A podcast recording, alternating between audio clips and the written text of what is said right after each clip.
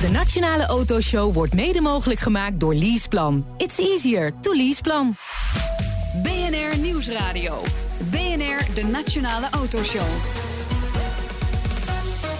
Meindert en Wouter. Na 33 jaar neemt hij afscheid bij de enige echte grote autofabriek van Nederland. Goeie toevoeging, Meijert. Ja, ja. En wij hebben het over de baas van VDL Netcar en die is bij ons te gast. Welkom ook aan onze luisteraars in Amerika. Ja. Eh, nu- ja, hè, Ja. ze zijn er. Ja, ze tweeten erover dat ze Mooi, meeluisteren. Ja, dat vinden ze Mooi, leuk. vind. Moderne Welkom. techniek. Leuk dat jullie luisteren. Een uur lang alles over auto's en mobiliteit hier op BNR. Meepraten doe je natuurlijk via Twitter, apenstaartje BNR Autoshow. Eh, straks in deel 2 komt de RDW langs. Dan horen we meer over het onderzoek naar Dieselgate in ons land. Het onderzoek is nog altijd in volle gang. Ja, ik ben wel benieuwd wat, eh, wat de volgende stappen zijn. Nou, inderdaad. Ja. Of er ook misschien merken beboet gaan worden bijvoorbeeld. Bij boet of eh, toelatingen intrekken. Ja. Ja. al die auto's eh, de weg af. Vieze diesels. Maar we beginnen- altijd diesels, hè? Vreselijk. We beginnen vandaag met de enige echte grote autofabriek van Nederland, VDL Netcar in het Limburgse Born. Te gast dit half uur is eh, directeur van VDL Netcar, Joost Govaerts. En dat is niet lang meer, hè? Nee, dat is niet lang meer. Nog Nee, een weekie. Nog een weekje. Week. Oh, nog even de kerstpakketten uitdelen en, eh, en dan Niet met pensioen eigenlijk, toch? Nee, wij Nee. eh, gaan een echte break maken. We gaan genieten van het leven. En even helemaal niets meer eh, op de schouders. En eh, gewoon genieten. En dan zien we wel na een jaar, anderhalf jaar, wat we tegen het lijf lopen. Een, sabbatical, maar het is wel een beetje laat voor die eh, midlife crisis. Ja, maar die heb ik niet gehad. Nee? Ik ben nog jong. Had je geen tijd voor? Had u geen tijd voor, denk niet. ik. Nee. Hè? Dru- druk genoeg bij, bij Netcar.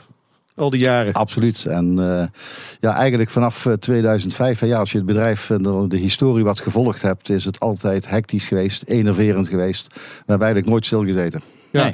Maar, maar per 1 januari eh, vertrekt u dus officieel. Eh, u zegt even helemaal niets doen. Bent u er zo klaar mee?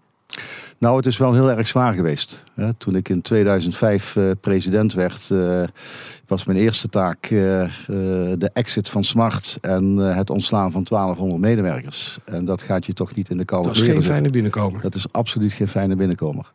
We zijn wel fijn dat we het op een goede manier hebben kunnen, kunnen regelen. Maar sindsdien is het eigenlijk alleen maar bergaf gegaan.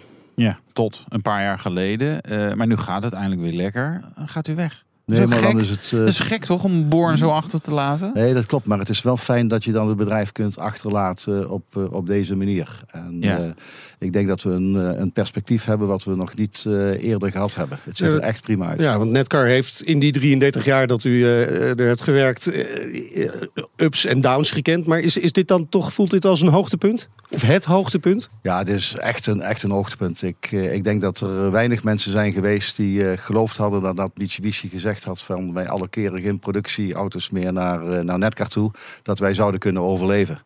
En eh, ja, ook dankzij eh, met name de, de medewerkers, want dat, zijn toch, eh, dat is toch de motor van het bedrijf. Hè. Zonder hen draait er, draait er niets.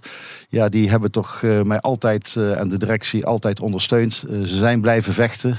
Ze hebben toch geloof gehouden in, in de toekomst. En ja, die hebben een geweldige prestatie neergezet om ook die doorstart mogelijk te maken. Heeft u zelf wel eens getwijfeld? Jazeker. Ja, Hoe vaak? zeker.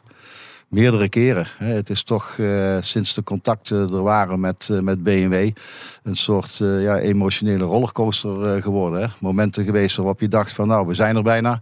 Hè, we werken naar een letter of intent. Dan gaat dat niet door. Dan zak je weer helemaal terug naar af. Avonden dat je gezeten hebt dat je het niet meer wist. eh, slapeloze nachten. Wakker worden. tranen in je ogen. Je weet het niet meer. Maar uiteindelijk ja, toch als een terrier eh, volgehouden. En we zijn er prachtig uitgekomen. Ja, maar er was een moment dat Mitsubishi zei van, eh, nou goh, eh, we, we stoppen hier. Er komt niet eh, de nieuwe Outlander, die gaan we niet hier bouwen. Was wel handig geweest voor al die lage bijtellers overigens. De maar, niet meer? ja, en de Colt niet meer.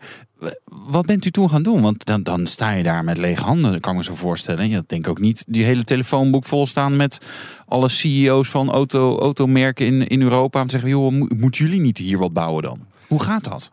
Nou, we zijn eind eh, 2010 kregen wij het bericht van Mitsubishi dat er geen opvolger van de Colt zou komen. En dat betekende eigenlijk dat het grote, ja, het volumemodel, hè, waar we de meerdere, de grotere aantal auto's maakten, dat we dat niet meer zouden doen. Nee. Bleef de Outlander over, Outlander voor Europa, 30.000, 35.000 auto's. We maakten kans voor de opvolger, maar ja, dat ging het toch niet worden, want een bedrijf wat in één ploeg 100.000 auto's kan maken, eigenlijk op twee ploegen moet draaien, wil je competitief zijn, kan natuurlijk nooit niet overleven met 30, 35.000 auto's. Dus Nee. dat was in twee stappen dood. Ja. Dus wat we gedaan hebben, is we hebben een taskforce opgericht, eh, waar ook vakbonden, ondernemingsraad aan deelnamen, het NFVA, vertegenwoordigers van de overheid. Ja. En we hebben een zoektocht gedaan, eh, eigenlijk wereldwijd, naar mogelijkheden, naar eh, potentiële opdrachtgevers die gebruik wilden maken van onze capaciteit. En daar zijn we in 2011 eh, mee gestart. Ja. Daar hebben wij acht maanden, negen maanden eh, aan gewerkt. Eh, Waar, was- ben- waar bent u allemaal geweest? Eh, Of, of Ja, kunt u is, dat is, niet... is ja, dat gewoon dat- telefoonboekjes afbellen of ga nee, je echt dat is, letterlijk dat de is hele toch wereld rond? gebaseerd op, op studies eh, eh, op allerlei manieren. Hè. We hebben Ja. gekeken naar, eh naar automotive industrie.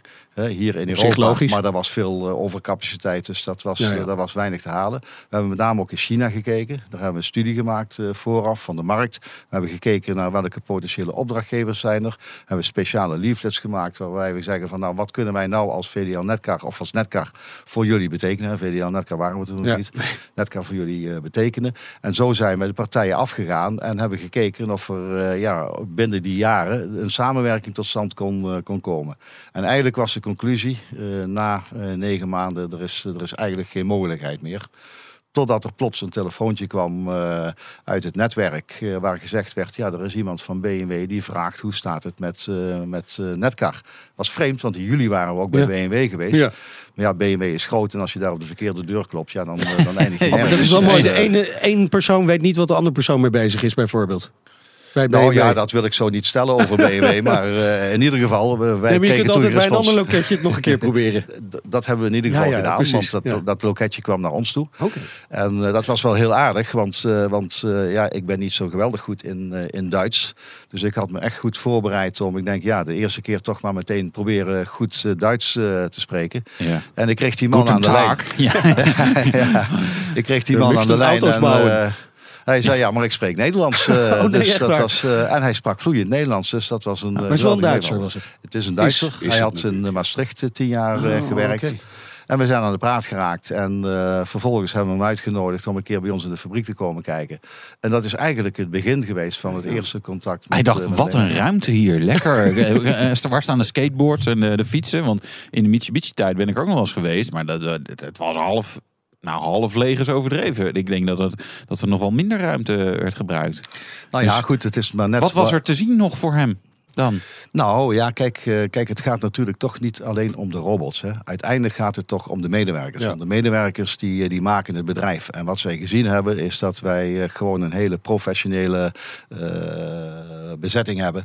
Die, eh, die kennis en kunde hebben. Die weten wat het is om auto's te maken. Die, eh, ja, die ook weten eh, Ja, ja. hoe verbeteringen gedaan moeten worden. Waar zij zeer van gecharmeerd waren. Welke creatieve oplossingen dat wij gevonden hebben. In plaats van ja, state of the art, hoge automatisering. En dat is een eh, prima bevallen. Dat is een prima bevallen, maar toch was er nog geen deal op dat moment. Want daar moest uiteindelijk VDL eh, bij komen natuurlijk. Ja, verre van dat. Hè, want eh, op dat moment, eh, wij spreken dan rond september, oktober, was de eerste vraag van ja, maar als wij jullie als toeleverancier willen hebben, zijn jullie wel competitive genoeg? Want anders dan heeft het geen zin om jullie te vragen. Dus we hebben toen een soort benchmark gedaan met de fabriek van, van BMW en daar kwamen we goed uit.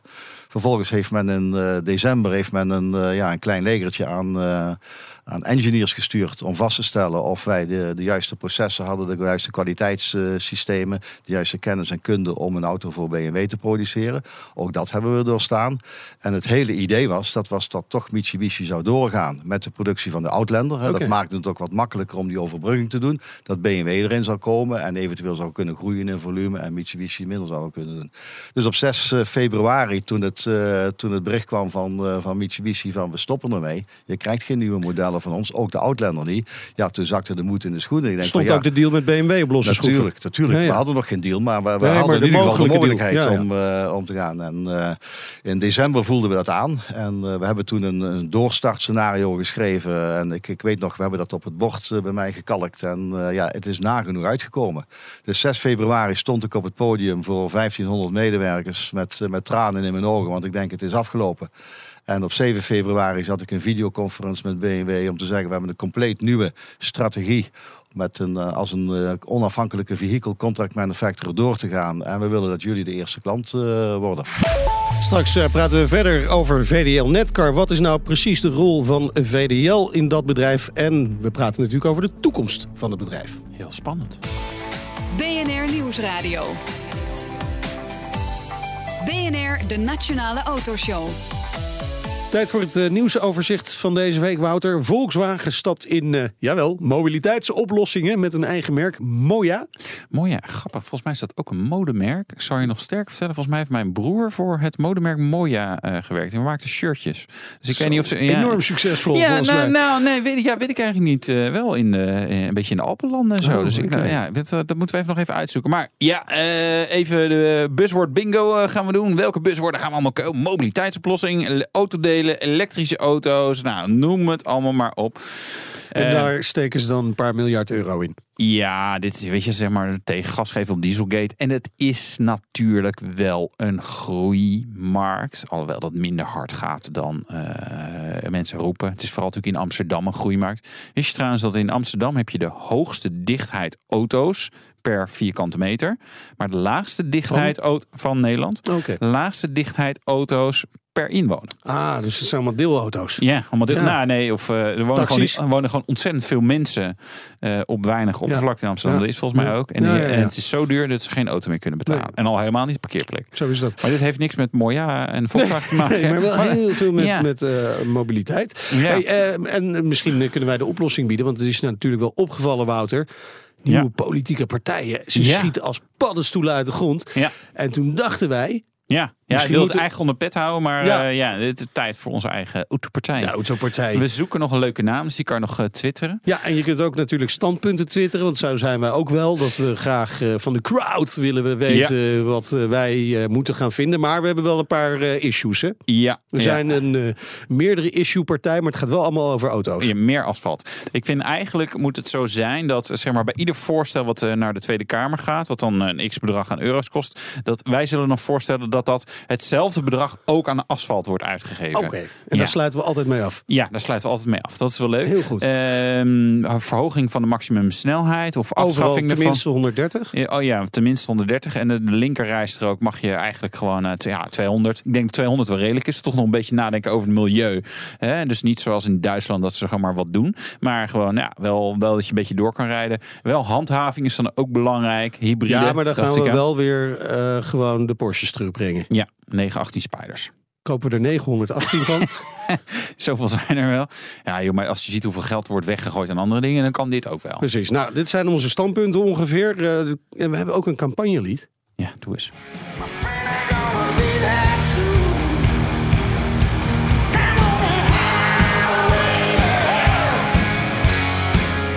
Dat was de Highway to Hell eh, natuurlijk van ACDC.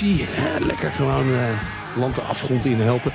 Eh, we hebben ook een hele mooie lijstuur. Hij moet nog wel ja zeggen. Ja, Max Verstappen. Ja, dan gaan we keihard naar de... Hoeveel zetels zouden we kunnen halen, denk je? Nou, 20, 30 moet al wel kunnen. Oh, ik zou hoger mikken. 35. Ah, 35. Dan eh, terug naar het autonieuws. De eerste foto's van de Opel Insignia Grand Sport zijn vrijgegeven. Ja, ik vind hem wel, wel leuk geworden. Ja, vond ik ook. vind de nieuwe Astra gewoon vooral heel erg saai. Goede auto, maar het is gewoon saai. Maar dit, dit op de foto's bekt het wel oké.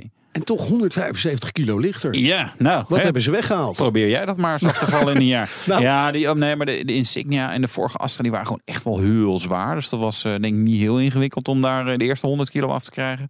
Ik weet niet, ik heb er eigenlijk niet in verdiept wat ze allemaal hebben weggehaald. Nee. Nou, Dus dat doen we nog een keer. Volgende, volgende week. gaan we naar Mercedes, de AMG GTR. Ja, ik dacht wel even wat relevanter nieuws. Ja. Daar heb ik me wel heel erg in verdiept. Onze luisteraar. Nürburgring opgestuurd. Bizar. Eh 7 minuten, eh 10 seconden, 900ste. Dus dit is de snelste straatlegale sportauto. Hij heeft alleen achterwielaandrijving. Eigenlijk niet eens zo heel veel bizar, veel pk's. Bijna 11 seconden sneller dan een Ferrari 488 GTB. Joh, het is heel, ja, het is wel sneu voor Ferrari. Hè? Want zeg maar, eh, op een circuit eh, door Formule 1 worden ze zeg maar, het snot voor de ogen gereden. Maar nu op straat eh, ook. Dus eh Forza Mercedes of zo. Dat wordt dus onze dienstauto dan. Ja, gaaf hè. De pijlstok. En die doen we met eh, Joost Govaert, scheidend eh, topman van autofabriek VDL Netcar in Born. Waar bent u mee gekomen? hier naartoe? Ik ben met een Volvo gekomen. Een Volvo. Ah, Nee, met de BMW, sorry. nou ja, ze ik ben met mijn vrouw meegekomen, maar die rijdt altijd maar, in de Volvo. Nee, ja, ik ja, ben ja. met de BMW gekomen. Oké. En, droomauto is die er ook nog? Geld speelt Nou. geen rol, praktisch maakt ook allemaal niet uit. Iets, nou, ik moet geks. wel zeggen, mag die, eh, dromen natuurlijk. Ja. Ja, ja die, maar die ervaring die ik eh, een paar maanden terug had om een keer in zo'n Tesla te zitten en in zo'n belachelijke eh, stand te komen. Ludicrous mode. Ja, dat is toch wel on- Ja. on- ongelooflijk. Ja, dat gaat toch wel ongelooflijk hard. Maar, maar en, en welke Tesla? Dat Was de de voorkeur? P90, dacht ik. ja, Dat, maar de, de Model S dan? Of, Met normale deuren of van die vleugeldeuren? eh, nee, normale deur. Ja, de Oh, ja. Nou, dan keuren we hem goed. Eh, ja, die zoeken ook nog een beetje Nou, eh, willen in hè? Europa gaan Ja. eh, bouwen. Hè? Ja, ja, ja. Ja. Dus, Ja. eh, eh, ze weten in ieder geval van ons bestaan, dus dat is prima. Ja, is is dat zo? Is er contact? Er zijn altijd contacten. Hè. Dan, ik geloof dat heel Nederland nu eh, bezig is met Ja, Tesla. ja. Als ik zie dat U, ook u, het, bent wel eh, de enige met een fabriek.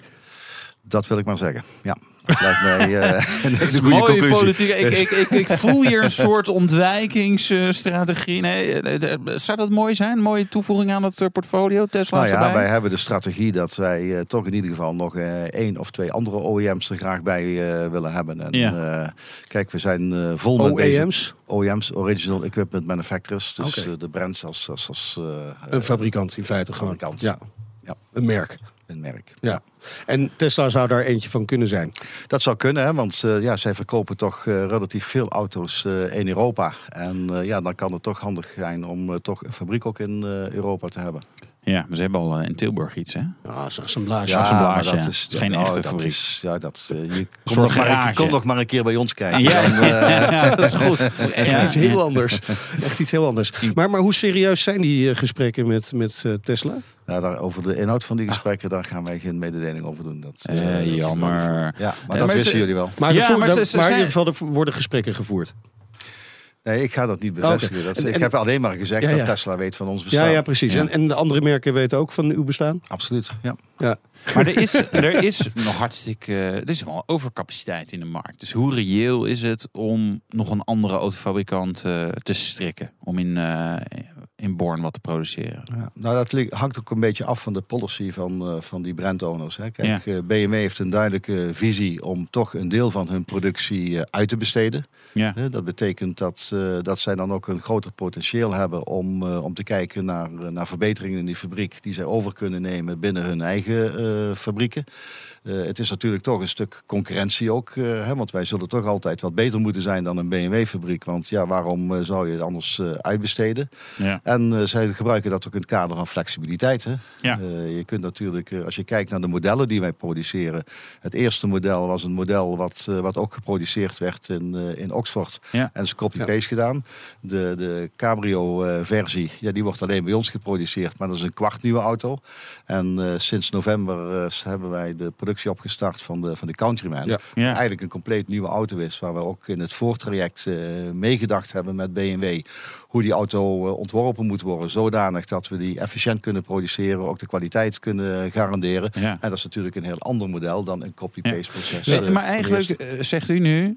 De in Nederland gebouwde minis zijn kwalitatief beter dan de in Oxford gebouwde minis? Nou, ik weet niet waar u die conclusie vandaan Nou, haalt, ik, maar, ik, doe eh, graag, ik vul graag eh, de stippeltjes Nee, in. nee, dat klopt. Ja. Nee, maar wensgedachte eh, dit. elke, elke mini die op de markt komt, eh, heeft een geweldig goede kwaliteit. Ja, maar die in gebouwde zijn nog beter, toch? Of niet? Voor primus inter pares. Nou ja, ik vind het eh, plezierig als u die conclusie trekt op basis van onderzoek dat u Ja. gedaan heeft. Ja, Dus, dat is eh, nog niet gebeurd. maar de, de, de Mini Countryman, de- de- daar is ook een, eh, zustermodel van, BMW X1. Dat gerucht ging al van, nou, die zou dan ook wel eens in Born kunnen worden gebouwd. Eh, is daar iets van waar of is dat weer zo'n...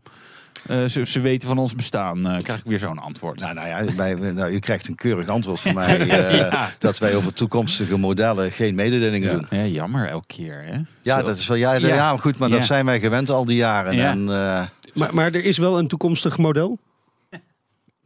nou ja, vraag. ik hoop wel dat er nog toekomstige Ja, modellen ja, nee, komen. dat allemaal, dat, eh, absoluut. Maar, maar u ja. weet meer dan wij. En, ehm, wij zouden heel graag willen weten of er inderdaad al iets op de rol staat. U hoeft geen namen, eh, merken te noemen of, of modellen.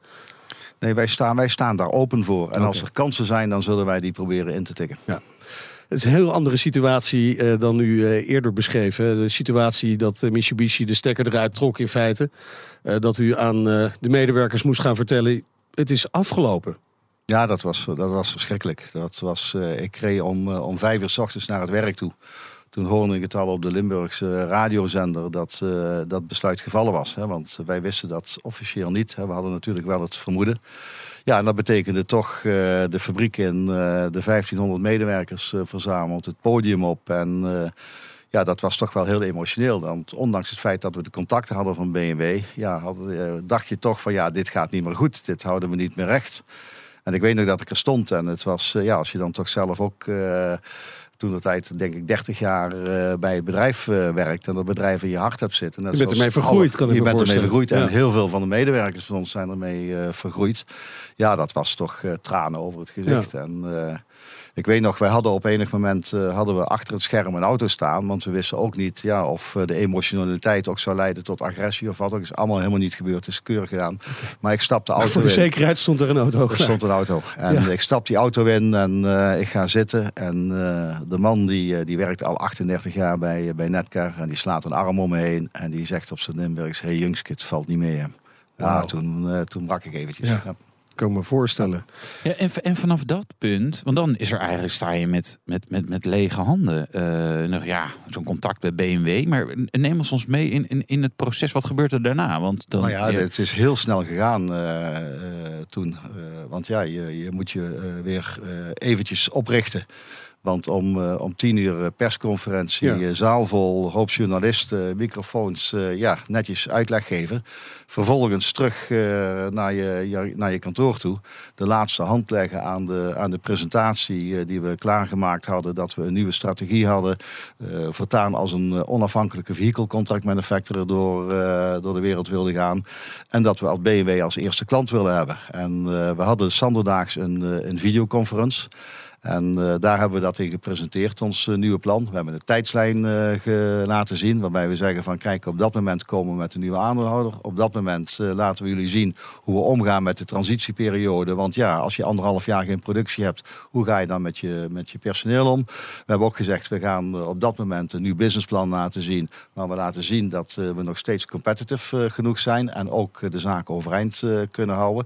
En ik heb BMW gevraagd, reageer daar binnen 24 uur op. Want uh, ja, ik wilde gewoon snelheid hebben ja. en zekerheid hebben. Maar dat is best bijzonder dat ze daar dan ook in meegingen. Want zij, zij konden ja. kiezen uit... Gingen ze ook zomaar mee?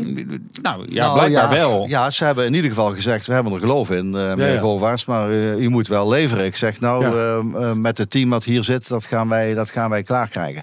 En uh, in, die, uh, in die nacht van uh, de 6e op de 7e, of de, de, de 6e februari op de 7e februari had Wim van der Lichten mij nog ja, een sms precies, gestuurd. dat verhaal. He, want ik was Wim al eerder tegengekomen. Ik zeg, Wim, kunnen wij niet een keer praten he, als het misgaat met, met de Japanners? Natuurlijk. Hij had me een sms'je gestuurd met wat vragen.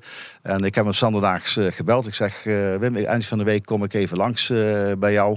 Want, want ik wil natuurlijk eerst weten of BMW positief zou antwoorden, ja, ja, of nee. Dus eind van de week ben ik naar Wim toe gegaan en ik weet nog goed op een, op een uh, vrijdagmiddag op zijn kantoor. En ik kom binnen en ik, ik wist, Wim was, was gek op een autofabriek. Hè. Dat, is, dat was echt iets wat hij heel graag wilde. Dus ik heb hem uitgelegd, het businessplan uitgelegd. Of gezegd, ga maar eerst even rustig zitten Wim. Ik zeg, want ik ga jouw droom aanmaken. Jij wordt eigenaar van een automobielfabriek. Dus ik heb het businessplan uitgelegd. En uiteindelijk gezegd van, het mooiste is, we hebben ook nog een klant, BMW. En de hele opzet was erop bedoeld dat, uh, dat BMW ons een contract uh, zou geven. Mits uh, VDL de aandelen van Mitsubishi zou overnemen. En VDL zou alleen ja, ja. de aandelen van Mitsubishi overnemen. Mits BMW een contract aan Netcar zou geven. Oké, okay, dus alles paste op dat moment in elkaar. Nou, op dat moment zeker nog niet. Want er waren toch nog wel uh, wat andere processen die okay. ook gekraakt moesten worden. Ja, ja, ja. Dus heel veel werk uh, natuurlijk. Uh, maar het is gelukt. Ja. En we kunnen naar de toekomst kijken van, van Netcar. we hebben het er al over. Er moet eigenlijk misschien, en dat staat in ieder geval in het plan van Wijzer... Hè, dat er nog een, een, een, tweede merk bij zouden moeten komen. In elk ja. geval. Ja, we hebben natuurlijk de afgelopen jaren ongelooflijk druk geweest... om, om de fabriek gereed te maken. Ja. de transitieperiode hebben we gebruikt om een compleet nieuwe bodyshop te installeren... hè, 1200 eh, nieuwe robots. We zijn gestart met de Mini Hatch. We zijn gestart met eh, de Cabrio. inmiddels nu met ook. de Countryman. Ja. En we zitten nu, na tien jaar, hè, zitten we weer op twee diensten. Ja. En eh, de, van de 1500 medewerkers die we eind 2012 hadden, zijn we inmiddels op een niveau van ruim 4500 medewerkers gekomen. Dus dat is geweldig. En we hebben nog steeds capaciteit over. We krijgen Ja. dadelijk ook ruimte hè, in, als je kijkt naar de, naar de projecten. Dus dat betekent dat eh, ja, wij zijn volop bezig om eh, te kijken eh, eh, wie we als volgende eh, klant kunnen krijgen. W- wanneer denkt u daar iets meer duidelijkheid? Ja, u waarschijnlijk niet, maar uw Nee, opvolger. dat zou je aan mijn opvolger moeten gaan Nou, als u het nog was, dan wisten we in ieder geval dat het voor 1 januari ging gebeuren. Maar eh, eh, zou dat volgend jaar kunnen zijn? Nee, wij, nee dat, dit, dit soort trajecten gaat toch wel, daar gaat toch wel wat tijd aan vooraf. hè, want we zijn in juli 2014 hebben we de fabriek geopend. Terwijl in 2012 hebben we de contract afgesloten voor eh, de 5657. In eh, eh, juli 2014, twee weken nadat de fabriek geopend was, hebben we het contract voor de Countryman getekend. Ja. Dus eer dat er echt iets gepubliceerd zal worden of bekendgemaakt zal worden, ben je toch wel een tijdje verder. Ben je een tijdje verder. Ondertussen wel op zoek naar nieuw personeel. Sorry, Wouter. Ja, ja, ja. Ja. En, eh, en ik moet zeggen, daar hebben we geweldige samenwerking ook met eh, UWV en eh, met de bijstand van de gemeente. We hebben 600 eh, medewerkers nieuw perspectief kunnen bieden die uit de bijstand komen of uit de WW komen. Ja. En dat is een geweldige prestatie. En in, in de hoogtijdagen bouwde Netcar 260.000 auto's ongeveer. Hè? Ja. Hoe, hoeveel zijn het er nu? Ja, wij, gaan, eh, wij groeien naar een eh, niveau van, eh, van twee ploegen. En ja, dat kan dan variëren tussen de 170 en de 200.000 kun je zeggen. Komen we ooit nog op dat niveau van 260.000? Eh, als het aan mijn opvolger ligt wel. Ongetwijfeld goed. Tot zover. Of had jij nog een belangrijke Nee, vraag? nee, nee, we moeten afronden Ja. helaas. Hè. Eh, dit was het eerste deel. Ja. Eh, dank voor uw komst, Joost Govaerts, scheidend directeur van VDL Netcar. Volgens mij gaat u een mooie reis maken. ja, naar Nieuw-Zeeland. geval. Nou, Nou, de jongste dochter heerlijk, toe. Heerlijk. ja, echt, nou, ja. we willen het allemaal niet weten. Hè. Met een countryman denk ik door. Zoiets. En tweede half uur hebben wij RDW te gast en we gaan praten over nasleep van Dieselgate. De Nationale Autoshow wordt mede mogelijk gemaakt door Leaseplan. It's easier to Leaseplan. BNR Nieuwsradio. BNR, de Nationale Autoshow.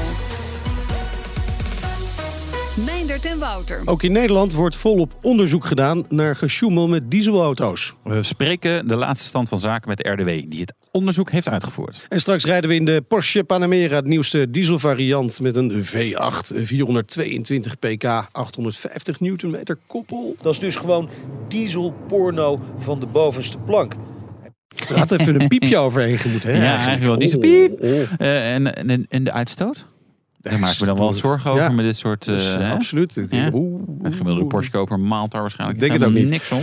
Wil je meepraten of heb je een vraag? Eh, dan kan dat via Twitter, apenstaartje BNR Autoshow. Onze gast dit half uur, Paul Diets, manager toelating en toezicht voertuigen bij de RDW. Natuurlijk bekend als de Rijksdienst voor het Wegverkeer. Welkom.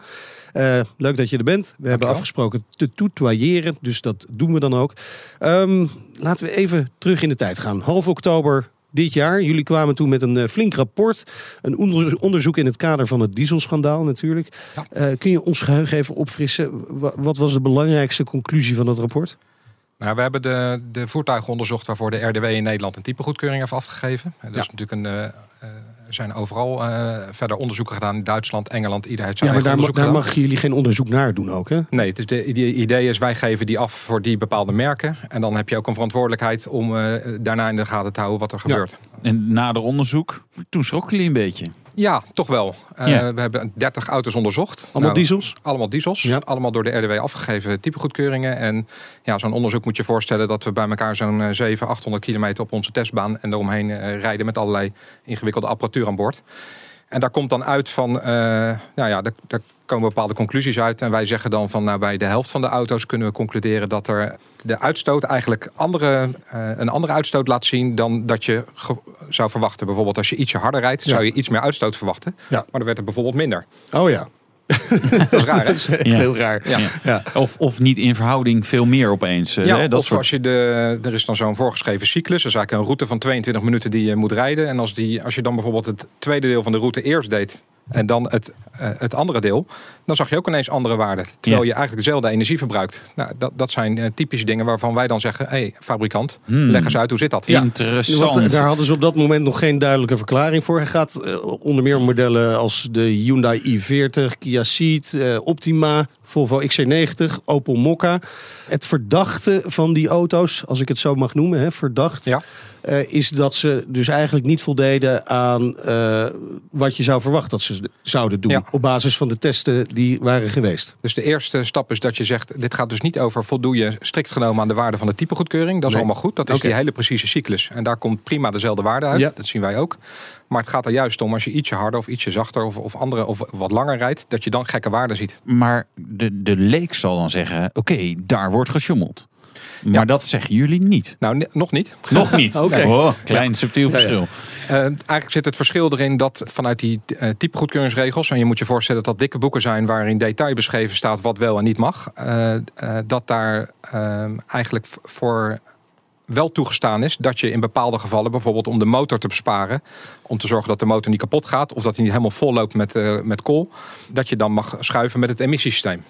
Ja, schuiven met emissiestemmen. Dat betekent gewoon, eh, gewoon volle bak diesel inspuiten. En het maakt niet uit hoeveel, hoeveel route er aan de achteruitkant uitkomt. Nou, dat is dus precies de discussie waar we middenin zitten. Ja. En eh, nou, de, de discussie die we met de fabrikanten hebben is dus nu van... oké, eh, dit, dit emissiegedrag zien we. In hoeverre eh, is dat nou echt om de motor te beschermen? En Ja. dan laten fabrikanten ons ook vreselijke plaatjes zien van motoren die... eh, nou ja, Helemaal een gort zijn gereden. ja, Ja, oké, maar, maar eh, want tot nu toe weten we alleen maar van Volkswagen dat daar de Schumel diesels zijn gebruikt. Hè, dat, die, dat daar Schumel software is gebruikt, omdat ze dat zelf hebben toegegeven. ja, wij noemen dat in RDW-term een defeat device. Hè? Dus dat is Een echt een schakelaar device, die ja. eh, aan of uitgaat Ja. en die de cyclus echt herkent. Ja, en die hebben jullie niet gevonden bij de eh, auto's die jullie nu hebben onderzocht. Nee, dat, niet zoals bij Volkswagen gebruikt. Oké.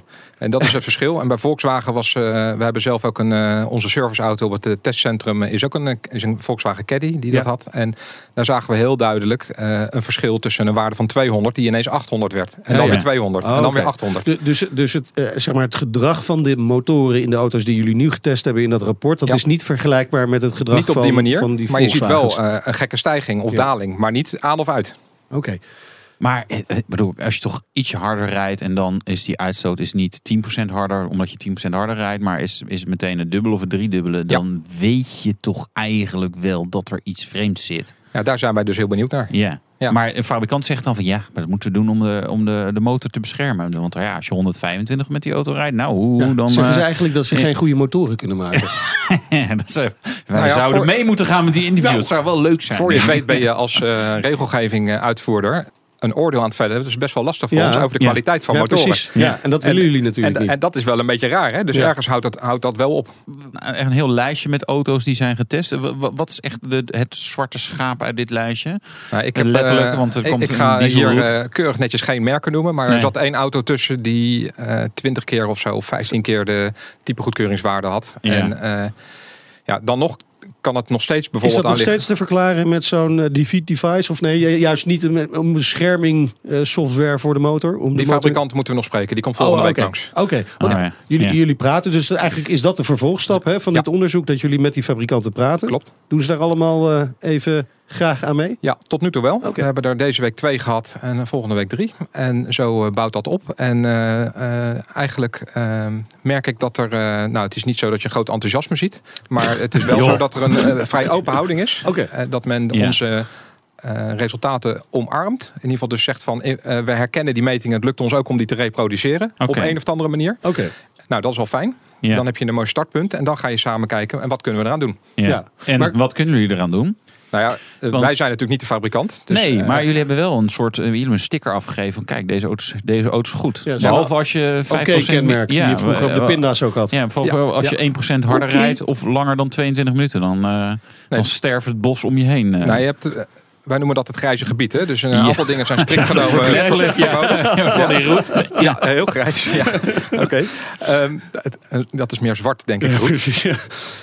Dus dat grijze gebied, eh, daar zitten we middenin. Ja. de Volkswagen zat heel duidelijk aan de ene kant. En daar was iedereen het wel over eens. De Ja. 22 minuten, die, eh, nou, die is algemeen ook bekendgemaakt van een Italiaanse fabrikant.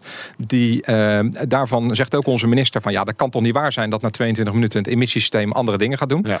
Maar andere dingen, bijvoorbeeld als een motor nou bij 18 graden of bij 16 of bij 13 graden ander gedrag gaat vertonen. In plaats van bij de test tussen de 20 en de 30, is dat dan fout. En wanneer Ja, is het dan ja, fout? ja, precies. En daar zijn dus op dit moment wel richtlijnen voor gemaakt in Europa. Maar daarvan zegt de Europese Commissie, die zijn pas geldig van 1 januari af naar voren toe in de tijd. Ah, Oké.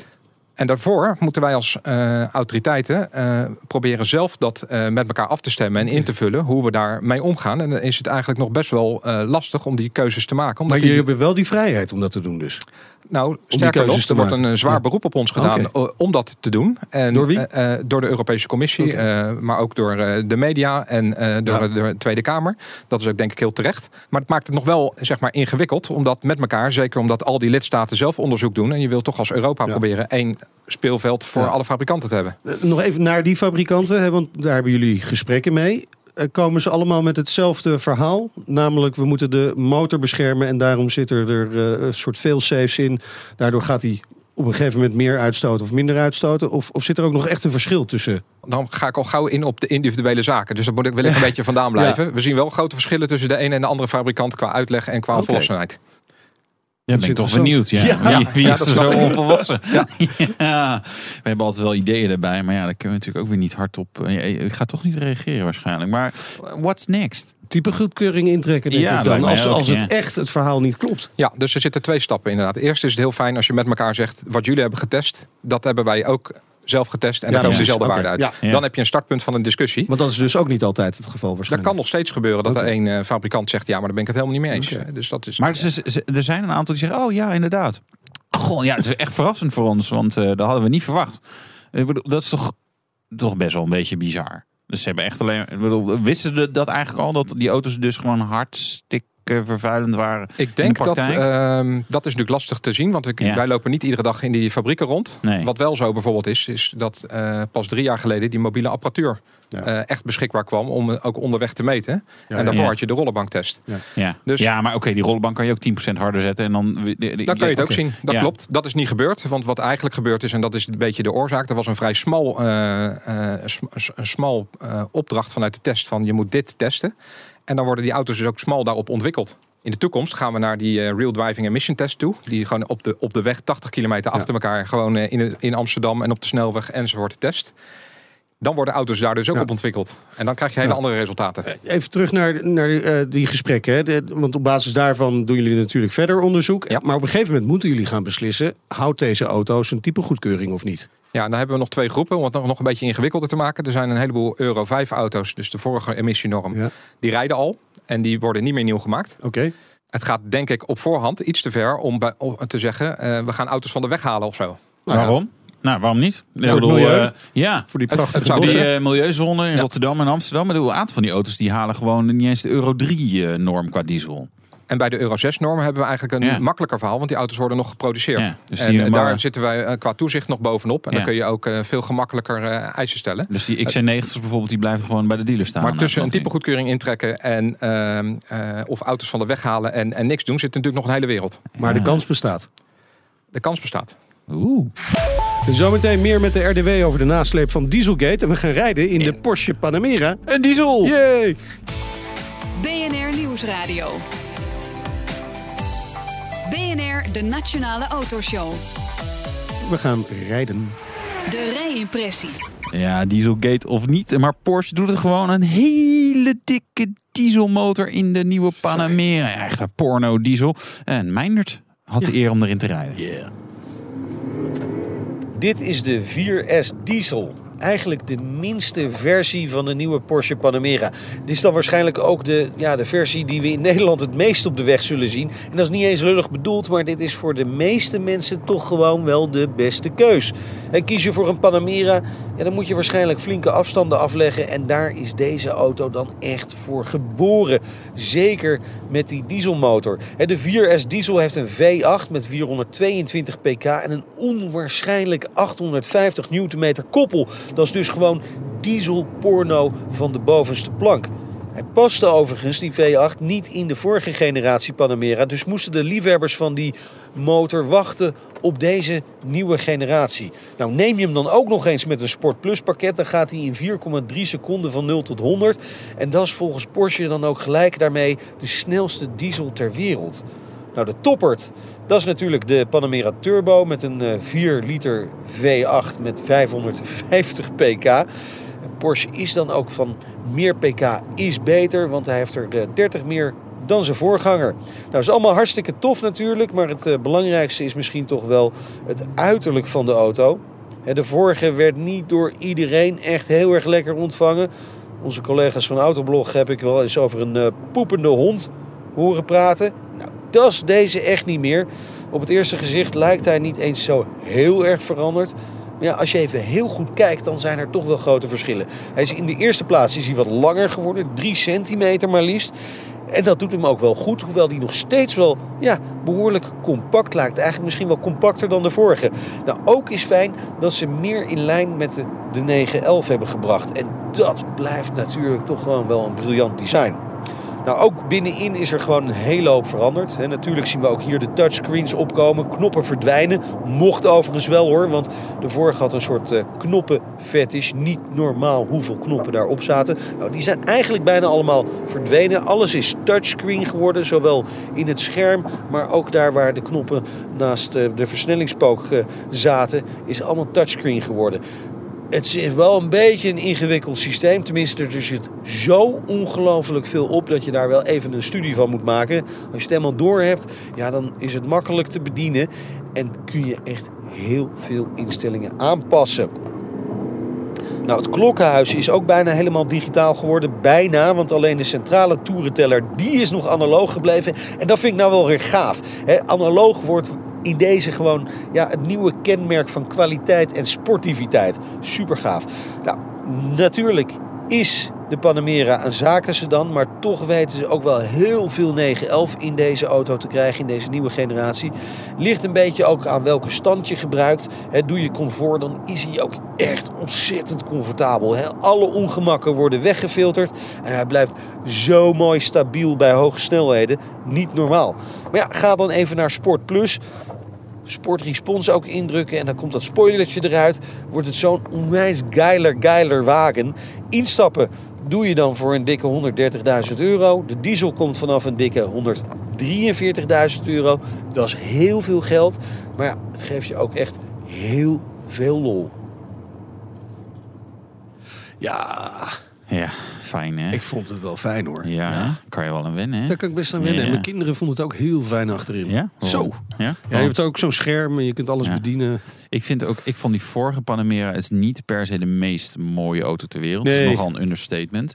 Wel gaaf, wel echt fijne auto. En dit, ik vind dit echt. Ik, ik was gisteren toevallig bij Porsche op Gelderland, stond natuurlijk ook in de show. En ik denk, ja, ik vind hem echt heel mooi. Maar hij is ook echt heel duur. Want ik ging even gewoon de prijs. Ja, ah, duur? wat wat- vanaf 150 of zo. Dat was echt, echt dat je denkt, oké, maar het is ook over twee of drie jaar tweedehands nog steeds gewoon echt, volstrekt Ja. onbetaalbaar. Dus ik, Ja. eh, Hey, en de station, daar. station variant? ja, nou ja, ik, denk- ja, ik ben benieuwd of ze, of, ja, wat dat gaat doen en wat het geworden is. Ik, ik denk dat daar wel weer markt is. De pijlstok. En die doen we met eh, Paul Diets, manager toelating en toezicht voertuigen bij de RDW. Eh, waar bent u mee gekomen? Ben je meegekomen? We zouden Ja. het tutoyeren. De, de A3 Sportback Diesel. Audi. Diesel. Kijk, hey. Ah, Oh, hey. dieseltje. Maar hij stond niet op de lijst. Stond niet op de lijst. echt wel. Ja? Hij stond niet op de lijst. Niet? Nee.